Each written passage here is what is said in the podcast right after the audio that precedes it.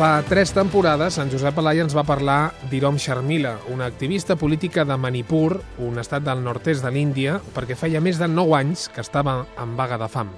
Passat aquest temps, la que alguns anomenen la nova Gandhi o també la dama de ferro de Manipur, tot i que la línia és bastant diferent a la de Margaret Thatcher, doncs tot continua igual.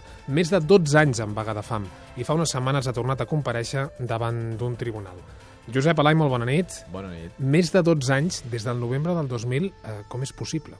Sí, podem considerar que és uh, la persona que ha estat vegada fa per un període més llarg a la història de la humanitat.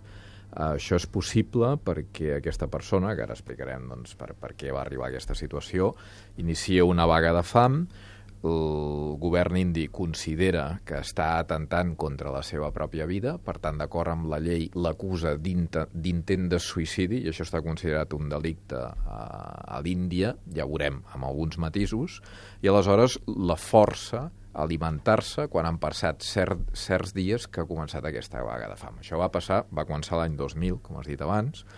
Aleshores, com la forcen? Doncs l'arresten, la posen en un, a vegades en un hospital, a vegades en una presó, en una secció de vigilància especial de l'hospital, per tant no pot veure ningú com si fos una presa, la intuben pel nas amb un tub que li passa doncs, per l'esòfag fins al fins l'estómac i a partir d'aleshores l'alimenten amb puré, literalment, que li posen un parell de cops al dia, forçat pel nas i l'introdueixen en l'estómac. D'aquesta manera la mantenen viva impedeixen el seu suïcidi, el suïcidi entre cometes, eh, el que ella diria eh, la seva vegada de fam, i així es passa un any, fins que la llei índia obliga les autoritats a deixar-la anar perquè no la poden tenir més d'un any eh, diguéssim, sota vigilància per aquest motiu, i aleshores ella retorna a la vaga de fam i tornem a començar el procés. Ara, fa re, tres setmanes, va tornar a començar el procés en què se la jutja per intent de suïcidi.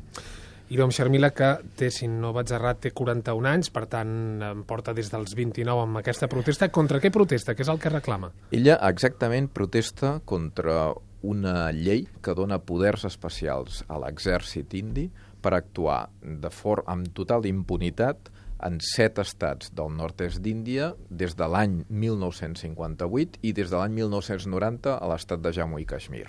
Era en concret protesta per aquest més de mig segle en què l'exèrcit, eh, amb aquesta llei d'impunitat, pot torturar, pot dur a terme execu execucions sumàries, pot fer desaparèixer persones, eh, utilitza la violació de dones com una arma eh, molt habitual i en cap cas pot passar per la justícia ordinària. Només a través d'un permís especial del ministre de Defensa de torn es pot arribar a investigar o jutjar aquests casos de violacions dels drets humans. La realitat, malgrat que l'Índia sigui, en aquest sentit, un model democràtic a l'Àsia, en aquest aspecte concret és uh, un forat negre per la, lliber... la defensa del, dels valors humans, dels drets humans, de la llibertat de les persones. Ella mm. protesta perquè aquesta llei definitivament sigui abolida en el seu estat, que és l'estat de Manipur, que és un d'aquests tan complicats. Mm. Parla'ns d'aquests set estats, d'aquesta zona del nord-est de l'Índia, el que s'anomena les set germanes. Eh, quina és la situació ara mateix? Sí, les set germanes, que és mm. com els anomenen eh,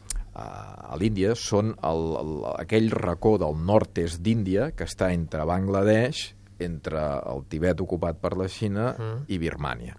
Són set estats indis que el punt en comú que tenen és que tots ells són fronterers, per tant, amb frontera amb algun d'aquests tres estats que us he dit, i en concret, eh, dos dels més complexes són Manipur i Nagaland.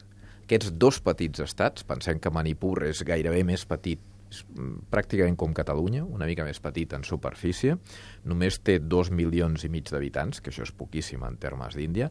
Són estats, tant Manipur com Nagaland, que són fronterers amb Birmània, que són de cultura més oriental, és a dir, són poblacions que no parlen llengües relacionades amb les llengües habituals d'Índia, indoeuropees o dravídiques, són llengües que pertanyen al grup tibeto-birmà, són d'aspecte oriental, doncs com un tibetà o com un birmà, i per tant destaquen moltíssim respecte a la resta de la població.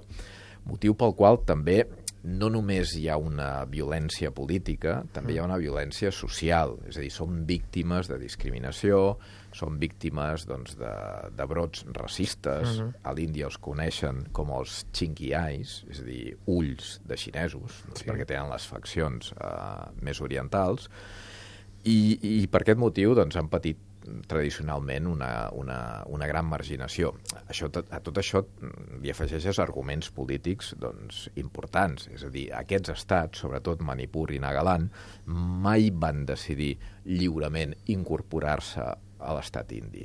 Eren eh, territoris amb els seus reis que vivien sota la protecció dels britànics però que mai havien format part d'Índia i ells el 1947, quan es crea Índia, prefereixen formar estats independents, un Nagaland i l'altre Manipur. Però mm. això l'estat indi, tot i que Gandhi defensava aquesta possibilitat, ha desaparegut Gandhi, l'estat indi se'ls menja, els incorpora per la força. L'Índia no respecta els pactes que tenia de convocar referèndums d'autodeterminació i llavors s'inicien lluites de guerrilles, violència política, que porta el govern indi, el 1958, a declarar pràcticament un estat marcial que ha provocat aquestes violacions dels drets humans i que al mateix temps doncs, provoca que ara tingui una persona des de fa 12 anys amb vaga de fam que resulta doncs, un enfrontament i un, un, un, un una vergonya doncs, mm. brutal per un estat democràtic com l'Índia. És la història d'Iron Sharmila, 12 anys en vaga de fam en la democràcia més poblada del món. Josep Alai, moltes gràcies. Eh, parlem d'aquí 15 dies una altra vegada. Bona nit. Bona nit.